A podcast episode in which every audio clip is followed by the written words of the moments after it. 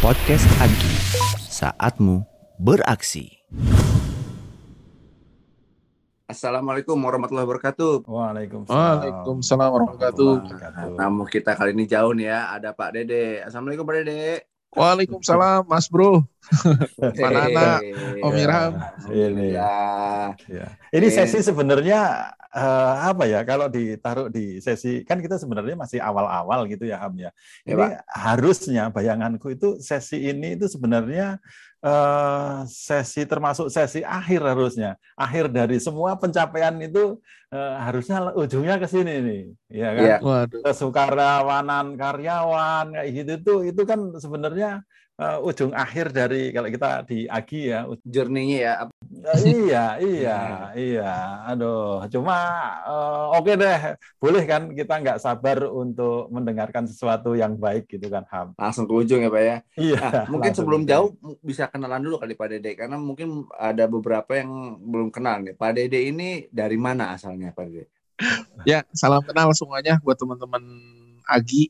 Eh, saya Dede, kebetulan asal dari Komatsu Group Indonesia. Jadi kami Nice. masih bagian dari Astra Group. Oke, Gitu. Komatsu. Berarti di mana nih kantornya Pak Dede?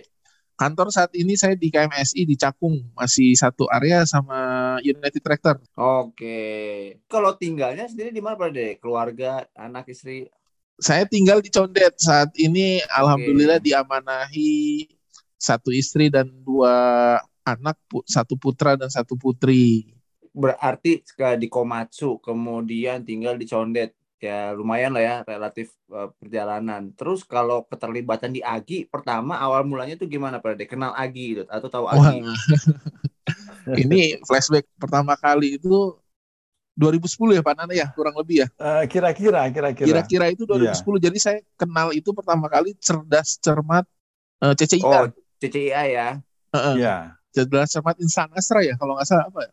betul betul Iya. betul Iya, awal itu 2010 masih pakai seragam ijo-ijo, ikut cerdas cermat,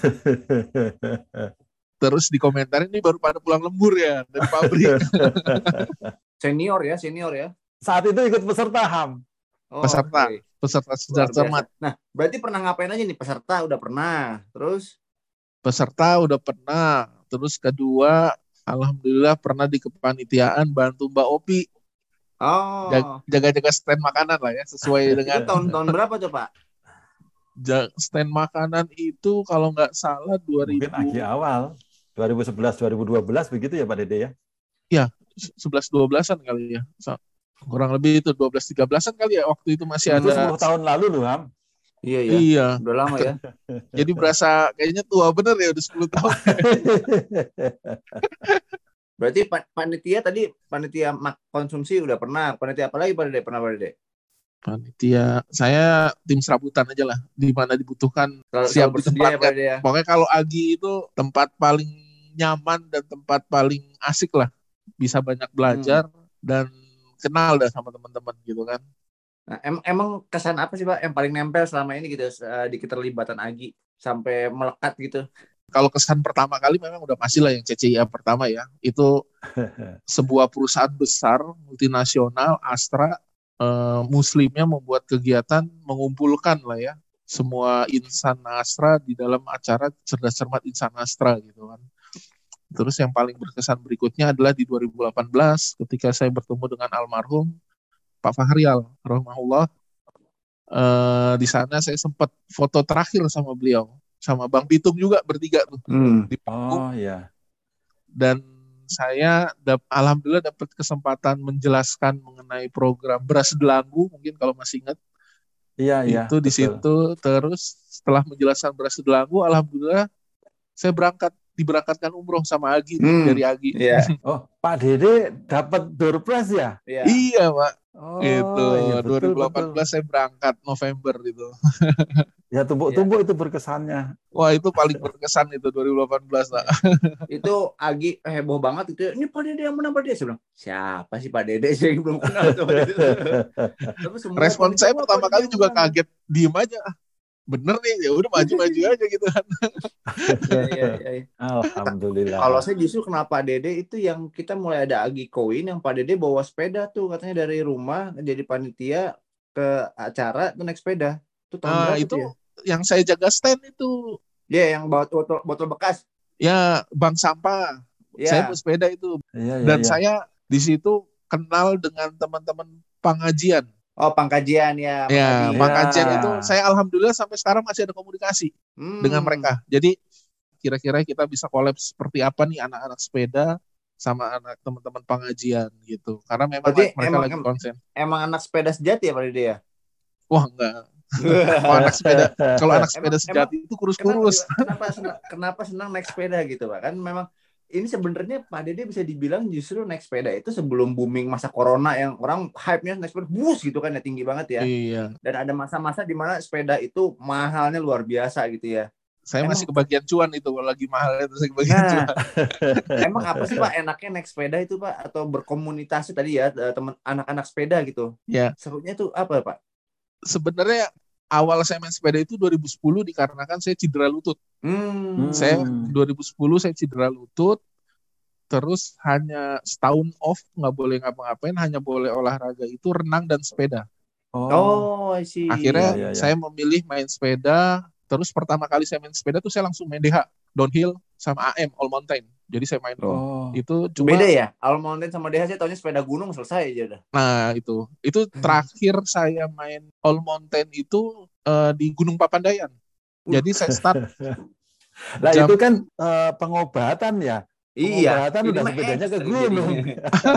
Kayaknya pengobatannya sepedanya sepeda-sepeda di komplek gitu loh Iya. Pak. awalnya itu dulu Pak. Cuman kan Iya, lama-lama iya, gatel iya. kan. Paling ya gitu Pak. Jadi memang menariknya di situ Pak. Cuma pas akhirnya saya sempat saya jual sepeda-sepeda DH, sepeda all mountain itu saya jual karena satu saya melihatnya kok waktu habis di jalan gitu. Hmm. Ya, Menuju Jadi, lokasi buat naik sepedanya Menuju lokasi gitu ya, kan Ya. kayak saya terakhir itu main ke Garut, Gunung Papandayan, berangkat Ya. Jumat malam sampai nginep terus Sabtu pagi berangkat lagi ke Papandayan main sepeda start Ya. jam 6 pagi finish jam 6 sore saya lupa di tahun berapa saya pindah ke sepeda lipat. Oke. Oh, main Wah. komuter lah main sepeda komuter. lipat lebih banyak untuk ke mana aja itu Pak Dede?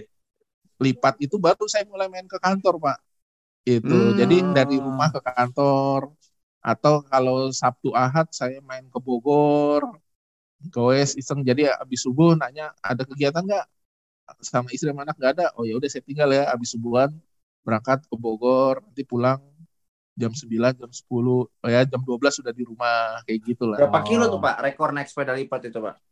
sepeda lipat. Nah, terakhir saya sebelum cedera itu saya habis pondoan. Ja- Hmm. Dari Condet saya ke Bogor, pulangnya saya lewat Parung. Parung, Oh. Ciputat, Pondok Indah, Simatupang. Itu 100 kurang lebih 110-an lah, 110 120. Setelah- Itu udah udah sampai ke Bandung itu dari sini. Ya, 120 saya ingat kalau, 120 ya. kalau buah batu itu 120 100 sampai 130 ya. Mu- Muhammad Toha lah. Luar biasa ya. stress release-nya di situ, Pak. Jadi kenapa Ah. saya main sepeda itu poin utamanya adalah stress release. Dan komunitasnya memang rame ya Pak ya. Kebetulan kami dipertemukan oleh sepeda dan di jalanan. Gitu. Oh. Jadi kami naik sepeda terus ketemu teman-teman yang naik sepeda juga orang kantoran ngobrol ya ibaratnya ngopi bareng sekedar main nyari warung kopi ngobrol-ngobrol-ngobrol yuk eh, kita bikin WhatsApp grup gitu kan Oh, oke. jadi kita bikin WhatsApp grup jadi kita bikin WhatsApp grup ada yang namanya eh, dulu pertama kali itu gue menuju kantor gitu Hmm. jadi gue Oh, iya, gue iya, iya. gue menuju kantor atau gontor gitu. Kita bikin namanya gue menuju kantor teman-teman yang naik sepeda ke kantor kita kumpulkan di WhatsApp grup banyak tuh beragam cuma yang arah naik sepeda ke kantor ke arah Cakung cuma saya sendiri. Sisanya rata-rata teman-teman ke daerah pusat semua. Oh, saat ini kurang lebih ada 200-an lah ya 200-an orang. Akhirnya kita selain main sepedaan ada apa lagi nih yang bisa kita maksimalkan nih gitu. Karena semua teman-teman kan rata-rata punya potensi. Sama kedua anak sepeda biasanya seneng upgrade pak. Nah kalau udah upgrade itu kalau bisa jangan yang ketahuan usah istri lah minta izin tapi minta maaf itu ya Pak ya. nah itu pak. Kalau bisa jangan ketahuan istri lah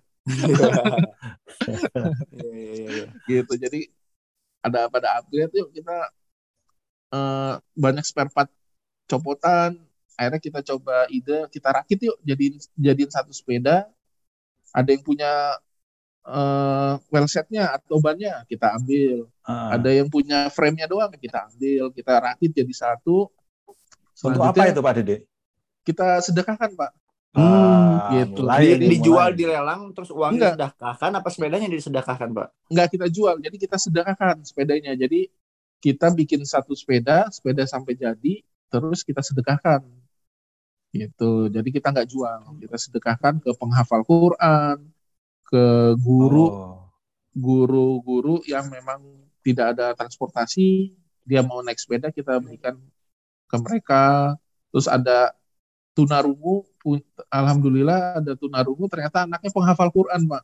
Hmm. masih SD itu di daerah Tapos Cimanggis. Kita ketemu karena orang tuanya lagi jualan kerupuk ya itulah ya enaknya naik sepeda di situ.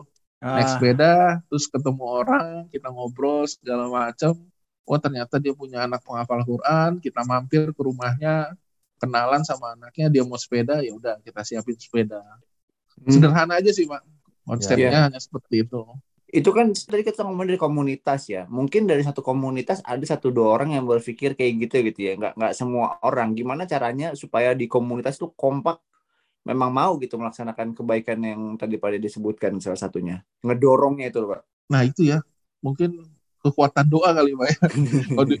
Bingung juga saya.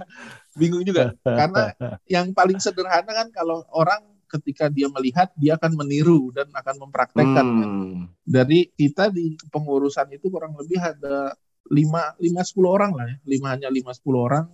Mulai dari kepengurusan itulah 10 orang itu sebagai tim tank kita kita ngasih contoh. Kita ngasih contoh kita coba eh, dokumentasikan kita coba sharing kita ajak untuk duduk bareng yang menurut saya sih adalah ketika kita bikin makan bareng jadi Ah.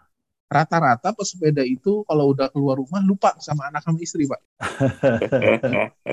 jadi kita ajak semua keluarganya. Jadi istrinya sama anaknya kita ajak. Kita duduk bareng. Inisial pertama kali itu di 2019 itu kita ngumpul di UI, UI Depok. Ah. Jadi ada yang bawa istri, ada yang bawa anak. Terus masing-masing, oh gue bawa gorengan ya, gue Oh, potlakan terserah. gitu ya. Oh, Ya, iya, iya, potlakan iya. lah ya. Hmm. Bawa masing-masing. Betul. Nah, di situ kami saling mem- untuk merangkul lah ya sama teman-teman eh, saling memperkenalkan diri. Jadi istri dan anak tahu aktivitas suaminya ke mana, berkumpul dengan siapa, Hmm, temennya kayak gimana gitu siapa, seperti apa. Sehingga itu udah pasti visa keluar rumah mau main sepeda terserah dah. Mau main sepeda ke mana aja silakan. Wah. gitu. Iya, iya.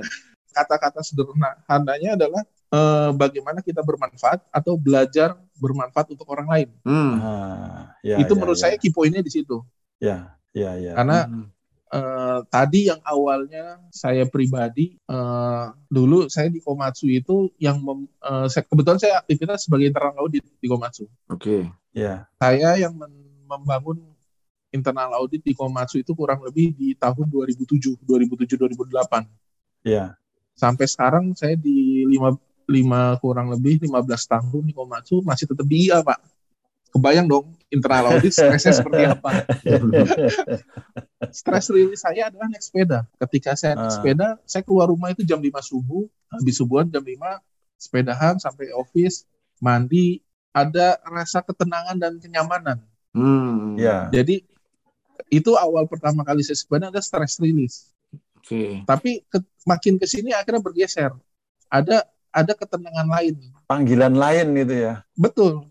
Yang akhirnya mungkin tagline yang kurang lebih tiga tiga tahun terakhir lah ya saya coba mulai memperkenalkan tagline itu adalah terus menebar kebaikan Hmm. Ya, betul, betul. karena ketika kita ngomong bicara terus menebar kebaikan ada kenikmatan lebih lain Mbak. selain stress release tadi tadi Hmm. yang saya bilang di Agi saya tahu bagaimana kita bermanfaat buat orang lain di situlah kita merasa oh hadirnya kita walaupun sederhana ya walaupun hanya sekedar memberikan botol aqua duduk bareng ataupun ngopi bareng di pinggir jalan Ya. karena kenikmatannya di situ pak Hmm. saya senang naik sepeda ketika saya istirahat ketemu dengan tukang warung saya sambil ngobrol ya walaupun ngobrol ngalor ngidul tapi ada ibroh buat kita Ya, di situlah Hmm. nikmatnya sepedahan menurut saya iya, iya. Kalau kalau ke tadi kita ngomongin nah, ini sepeda, terus ke Agi, ke semangat, ke sukarelawanan gitu ya. Heeh, bermanfaat untuk yang lain. Kebermanfaatan tadi ya, Hmm, bahwa kita Hmm. ini yang harus bermanfaat bagi orang lain. Kalau yang pada dilihat dari teman-teman yang udah ikut bergabung di komunitas maupun teman-teman yang ikut gabung di Agi, efeknya buat mereka sendiri atau buat organisasi kerasa nggak pada dia? oh sangat terasa sekali pak ketika kita sudah mendapatkan kenikmatan ya ibaratnya kayak kalau kayak kita dulu nikah sama istri kita kan lagi sayang sayangnya itu ya awal-awal Iya. nikah kan walaupun insya Allah sampai sekarang masih sayang ya istri. ibaratnya apa pun yang kita lakukan namanya buat keluarga itu pasti ada kenikmatan tersendiri kali ya mungkin nggak bisa Iya. kita Iya, nggak iya, bisa iya, kita betul, pakai kata-kata cuma Iya, ada kenyamanan lah sangat nyaman lah gitu ibaratnya Hmm. agi itu sama aja seperti rumah kedua Oke. kita sudah capek aktivitas di kantor ketika kita kumpul dengan teman-teman Agi selalu banyak ide-ide yang luar biasa Eh, out of the box semua lah Hmm. wah ternyata berawal dari ide akhirnya seperti Agi sekarang ini kan luar biasa Pak. Padahal kalau saya sih lihatnya malah eh, melihat pergerakan Pak Dede itu sedemikian mandirinya dalam menebar manfaat, Hmm. mengajak ke kebaikan kepada teman-teman di komunitasnya Pak Dede di mana pun itu Pak Dede beredar begitu. Jadi motor ya, kita justru itu, kita iya, iya. Pak Dede Iya. gitu semangatnya Pak ya. Iya, ngecas banget buat buat kami Iya, kami betul. ini Pak Dede itu. iya oh saya dua bulan September Oktober itu kami bikin gerakan eh, Jumat Barokah namanya Oke. Jadi Hmm. Jumat Barokah kita coba meng kita lempar ke beberapa eh, ada tempat rumah makan Iya. eh, namanya ayam bebek Java. Saya nyebut Oke. merek nggak apa-apa nih ya. Enggak apa-apa. Kan nggak kebaikan, apa-apa. Gitu. kebaikan. Iya. Asalnya nih gue punya program namanya Jumat Barokah. Gue pengen nyebar makanan sebanyak 100 paket Iya. ke, ke anak-anak yatim, duafa. Wow. Lo mau support apa? Alhamdulillah bersambut. Gue ngasih nasi setiap minggu 100 kotak. Iya. terserah anak-anak sepeda eh, yang nyalurin siap. Gitu. Iya, iya, iya. terus kita lempar ke grup. Nih alhamdulillah nih udah ada yang support nih. Yang bilang udah saya ngasih uang. Saya ngasih uang segala macam berapa alhamdulillah. Hmm, sampai segitu Ham. Hmm. sampai Ya, ya. makanya saya bilang wah masya allah nih ternyata dengan hanya sekedar kita melempar wacana seperti ini dan masif sangat masif sekali tiap minggu selama dua bulan itu se- se- seminggu se- setiap Jumat 100 box nasi free dikasih Masya sama Allah. mereka. Terus Ya, ya, ya. ada juga yang ngasih dana tiba-tiba uh masuklah dengan nominal 25 juta Masya masuklah dengan nominal sekian. Wah ini luar biasa. Malah yang sekarang akhirnya yang agak sedikit repot ya buat saya pribadi. Iya. eh, kan kebetulan nomor handphone saya yang di-share nih secara publik. Iya. Sebenarnya itu nomor, nomor pribadi saya. Akhirnya sekarang banyak masuk, Pak saya punya ada kebutuhan ini. Cuma yang menarik lah di situ. Wah ternyata eh, terakhir itu ini kaki palsu Pak. Hmm. Wah Iya, itu iya, iya. Jadi kita lagi Jumat Barokah tadi di awal-awal Oktober kita dapat kabar ada anak kecil di daerah Tangerang Selatan namanya Tegar dia kecelakaan harus diamputasi Iya. pas harus diamputasi eh, ng- ngirim kabar ke kami terus saya Ah. coba follow up segala macam saya coba engage dengan beberapa eh, komunitas kaki palsu segala Iya. macam mengejar untuk gratis lah free karena ternyata kaki palsu itu minimal 25 juta harganya Oh. begitu Iya, 25 iya, iya. juta wah Mahal ternyata bisa nggak free ternyata nggak bisa harus ada biaya ya udah oke Iya, kita iya. lempar lagi ke teman-teman gue punya program nih buat anak-anak ada Iya. kebutuhan siapa bergerak lagi Iya. alhamdulillah kemarin end of to- end of Oktober itu sudah selesai Eh, pekan lalu dapat kabar sudah mulai diukur Kak, untuk kaki palsunya di situlah pak kenikmatannya lagi pak tadi Hmm. Ah, Iya. Kebayang itu ya. kan ham. Jadi Iya. ada nyes kali ya, nyes kali ya. Iya, iya. Nyesnya itu susah ya diungkapkan kalau emang Susah belum, belum pernah ngerasain ya ya ya. Iya. Iya iya iya. iya. Dan saya sih eh, bayangin kan eh, eh, kan sebenarnya ngumpulin teman-teman terus kemudian jika jika bisa dibayangkan ya semua masing-masing karyawan Astra itu eh, ya kan pasti yang kayak Pak Dede kayak gini kan juga juga banyak begitu. Terus itu wow. Ya. Itu hal- Sebenarnya potensi banyak, Pak. Saya akui Ya, ya. kalau saya lihat kalau melihat Agi itu semua manusia itu punya potensi. ya ya. Eh, ya kayak pertama kali lah tadi saya, saya agak sedikit mundur ke belakang CCIA Iya. pertama kali. Saya dapat undangan, kebetulan saya ketika itu di ketua DKM Ya, dapat ya, undangan. Wah, ini apa ini cerdas cermat gitu kan. Ya. Waktu itu lagi zaman ramenya kuis siapa berani ya yang Helmi Yahya ya. Ya, sama- betul, Iya, betul. betul. Ya, betul. kuis siapa. Wah, ini menarik nih. Ya udah, yang sholat zuhur di situ. Nih gue punya ada kegiatan ini, siapa yang mau ikut? gitu kan? Ya ketemu di masjid. Yaudah, ayo, ayo, bener ya. Yang orang tua tua mau juga, wah menarik juga kan? Gimana? Semangatnya, wah, ayo, ayo, ikut. Ya itu makanya waktu itu saya share fotonya ke Pak Nana. Nih Pak, saya ketemu file pertama kali nih. Saya kenal CCIA nih gitu kan. Saya share. Pak Nana, itulah situ, oh ternyata menarik ya gitu. Jadi Hmm. sebenarnya semua orang potensinya ada, mungkin bingung saya harus ke mana, saya harus gimana. Tetapi ketika kita bisa memberi contoh, kita bisa memberi semangat, Ya, ketika kita bisa jadi teman diskusi yang enak, kan kebetulan alhamdulillah dengan eh, mungkin ada keberkahan dari COVID kali ya, ada keberkahan dari COVID, ya, eh, ketemu dengan beberapa komunitas, dengan beberapa yayasan, sekolah. Eh, terakhir itu kan kita sekarang menghandle anak-anak autis dan Down syndrome kali kita fokusnya sebenarnya di sana sekarang anak-anak autis dan Down syndrome itu di situlah ya namanya laki-laki ya nangis Ah. saya nangis nangisnya tuh di situ pak Ah. Eh, Mungkin boleh ham ini untuk yang di ini kayaknya ini boleh boleh di share lebih dalam Pak Dede untuk yang Hmm. tentang ini gimana Pak Dede? Jadi tuh saya ketemu yayasan namanya Yayasan Al Kamaliyah itu karena sepedahan di Bogor. Jadi kami sepedahan ke Bogor, tiba-tiba ketemu ya dilalah ya Kodarullah Allah mempertemukan punya jalan di situ lagi ngopi bareng, makan segala macam. Ternyata yang punya Yayasan Al Kamaliyah itu alumni Trisakti, Pak, Oke. Oh, angkatan 90. Gitu. Ya ya ya. Terus saya ngobrol diskusi ternyata anaknya itu autis ketika usia tiga tahun. Cewek saat ini usia sudah 24 tahun. Ya. Di lingkungan sekitar mereka itu ternyata banyak anak-anak autis dan Down syndrome yang ditinggal suami. Hmm. Hmm. Ditinggal karena merasa anaknya cacat, Ya, suaminya tinggalin gitu aja atau dicerai segala macam. ya.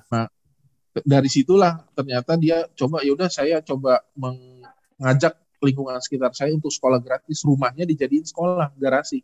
Hmm.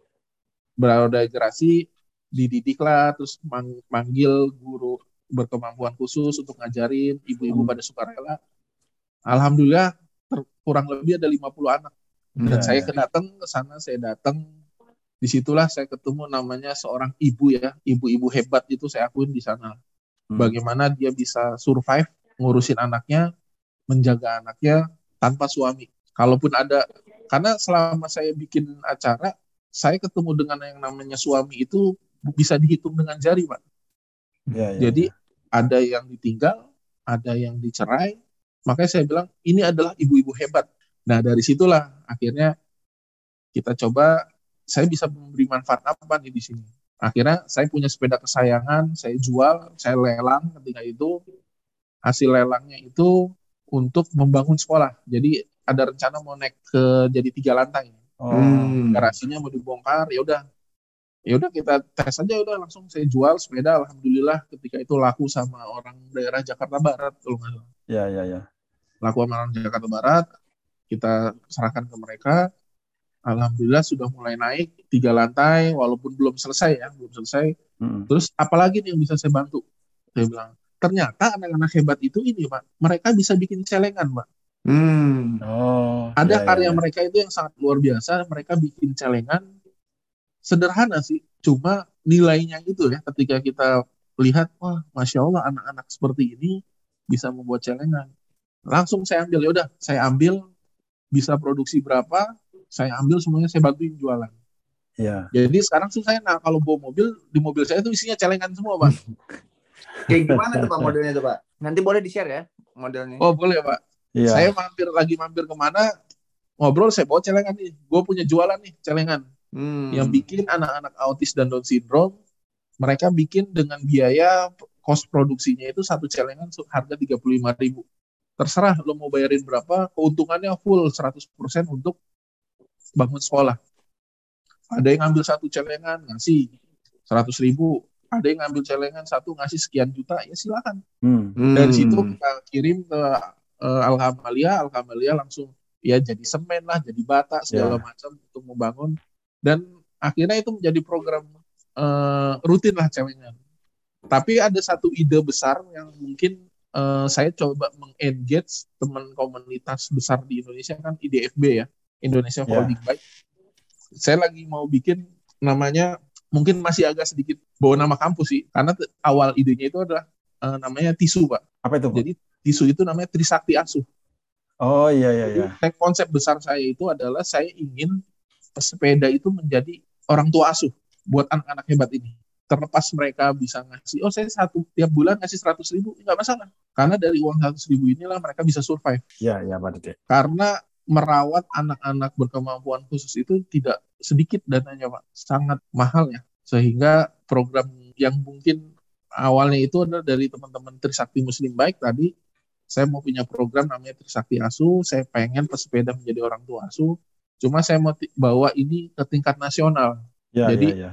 Semua komunitas ada di rumahnya namanya IDFB, Indonesia Holding Bike. Harapan saya sih, eh, kebetulan kenal dengan ketua IDFB-nya waktu itu kan ngisi juga ya acara AGI ya Iya, Ya, betul. ya. kebetulan kenal eh, belum ada diskusi intens sih pengen saya golkan itu jadi sifatnya nasional sehingga pesepeda itu bisa bermanfaat lagi bagaimana dia bisa menjadi orang tua asuh Oh, bagaimana kita bisa mengarahkan ke dalam kebaikan yang tadi kembali ke awal sebenarnya semua orang punya potensi Iya, betul, betul. ada yang nggak tahu, ada yang bingung, ada yang Ya. butuh teman diskusi.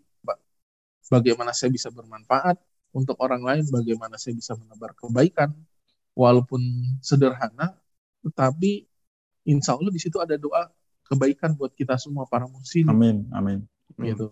Jadi kayak Agi bikin event, nanti ada engage juga dengan teman Lazis Astra dengan Amanah Astra nih, Mas Ganjar dan kawan-kawan, bagaimana Desember me- seribu anak yatim kan gitu.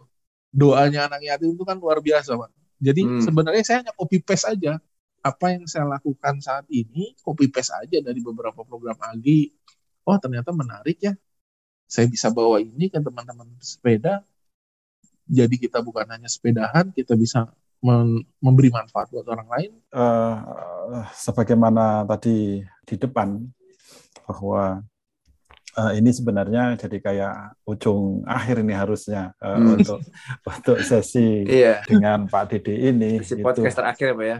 Iya, ini Waduh. harusnya ini di, di di ujung akhir karena Emang bagaimana kedermawanan, kesukarelawanan, kebermanfaat untuk sesama gitu, menebar kebaikan itu tuh eh, itu dilakukan oleh per masing-masing eh, karyawan gitu. Itu apa namanya udah udah yang kayak goalsnya Agi ya, Pak ya. ya, ya goalsnya Hmm. Agi banget gitu. Hmm. Kalau di amanah asra ya, ya iya memang dibentuk untuk eh, hal tersebut mesin Hmm. asra ya iya wong namanya juga juga Ya. masjid gitu. Agi pun juga eh, sebagai event ya memang eh, event-event itu gitu.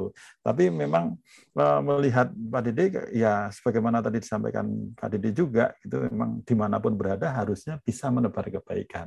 Tadi bermula dari eh, sepeda bolak-balik, sepeda ada komunitas, di komunitasnya itu berkembang bagaimana bisa mengajak teman-teman di dalam komunitasnya untuk eh, berbuat kebaikan itu yang ah yang mahal banget gitu. Hmm. Jadi kalau dibilang daging semua, eh, ya Ini daging semua. ini sesi daging semua ini nih sesi Iya. berat ini. Ini sama podcast sa- sambil ini. Dede ngejelasin kita catatan. Wah, bagus nih Pak. Catat Pak. Yang ini Pak. Yang ini masuk Pak. Yang ini masuk Iya, Pak. Yang ini masuk Pak. iya.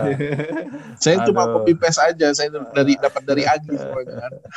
saya kalau nggak dapat ya kok dari dulu ya. Kalau nggak saya nggak dapat undangan CCA, mungkin saya nggak kenal sama namanya Agi, Pak. Iya, iya, iya. Iya. heeh. Aduh, gimana Ham?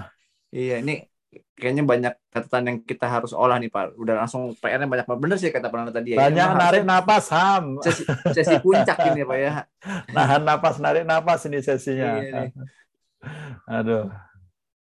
momen-momen indah seperti itu yang membuat kita banyak-banyak bersyukur.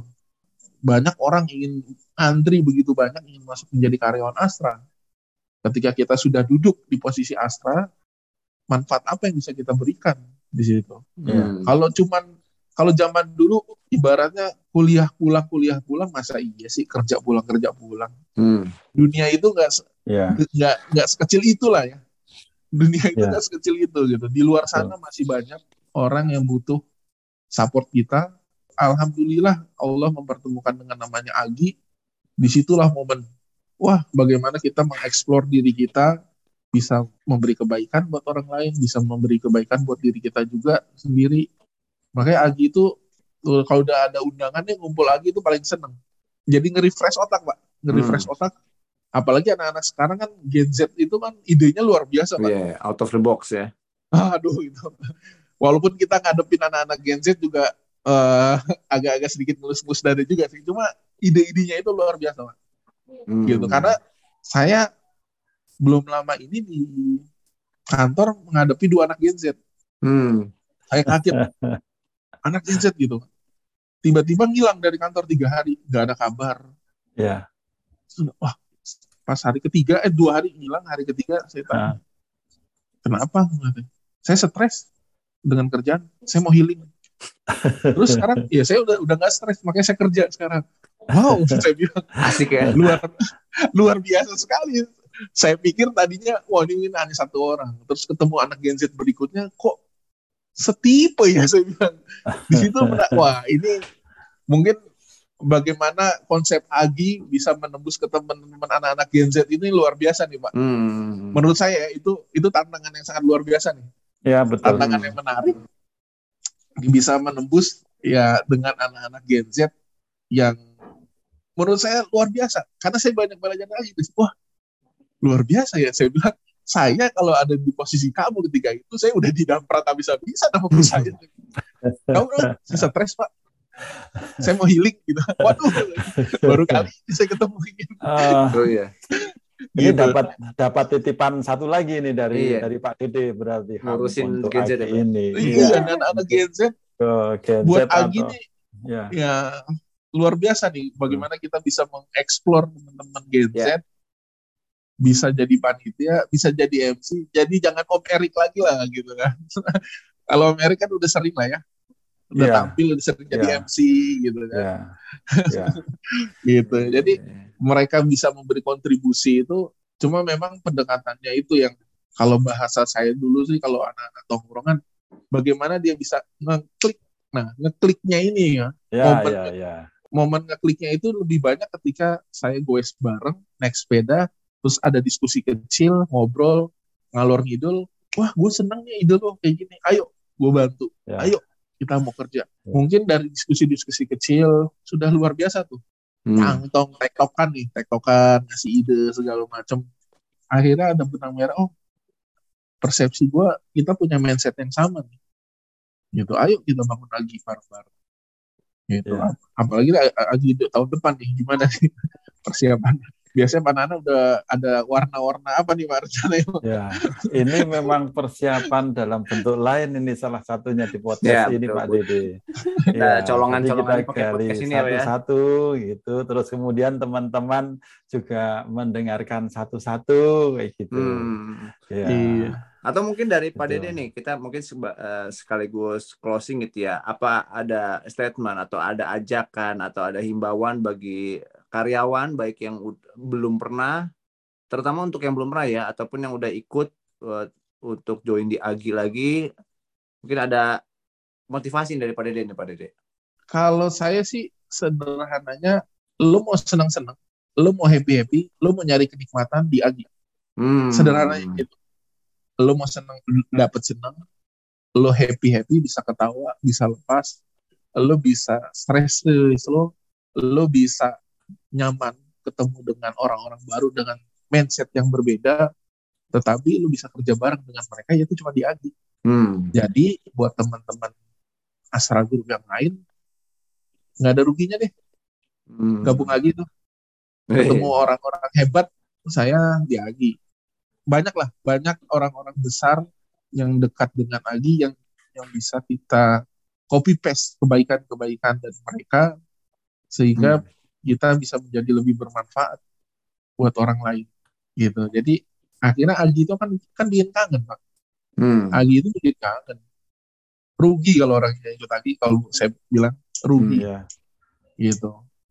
Dan Hmm. menariknya Agi itu waktu oh ya nih, saya belajar dari Agi. Saya lupa di event Agi berapa. Kan kita membuka juga ruang diskusi dengan teman-teman yang non muslim. Iya. Ya. Bagaimana kita terbuka dengan mereka, kita bisa kerja bareng kok. Saya dengan walaupun namanya muslim baik di komunitas saya pun banyak orang non muslim dan mereka juga punya niat kebaikan juga sama dan malah menitipkan amanahnya itu ke kita ya udah nggak masalah bisa kok jalan bareng nah, di situlah saya belajar Astra Gema Islami Trisakti Muslim baik punya benang merah yang sama adalah Muslim tapi kita bisa untuk kerja bareng Hmm. gitu pak Luar biasa. Nggak berasa ya, Pak Ah, ya. Kalau ngobrol sama iya. yang banyak dagingnya ini waktu Wah, serasa saya nggak cuma copy paste saya nih Iya, kayak, kayak Nah, makan banyak nahan napas, aja banyak gitu tarik ya. napas itu. Luar biasa. Aduh. luar biasa. Kayaknya PR kita dari obrolan hari ini cukup banyak nih Pak Nana. Catatan kita yang mesti Banyak. kita garap dan kita rapiin di Trello ya pada dia supaya Betul, bisa di betul. follow up. iya Jadi memang dari semua sesi-sesi podcast kita kita rangkum di eh, Trello semuanya catatannya dan ini bentuknya di colongan-colongan kita untuk aktivitas Agi kita di 2023. Ya. Mungkin Hmm. untuk sesi kita hari ini kita cukupkan pada Dede Pak Nana.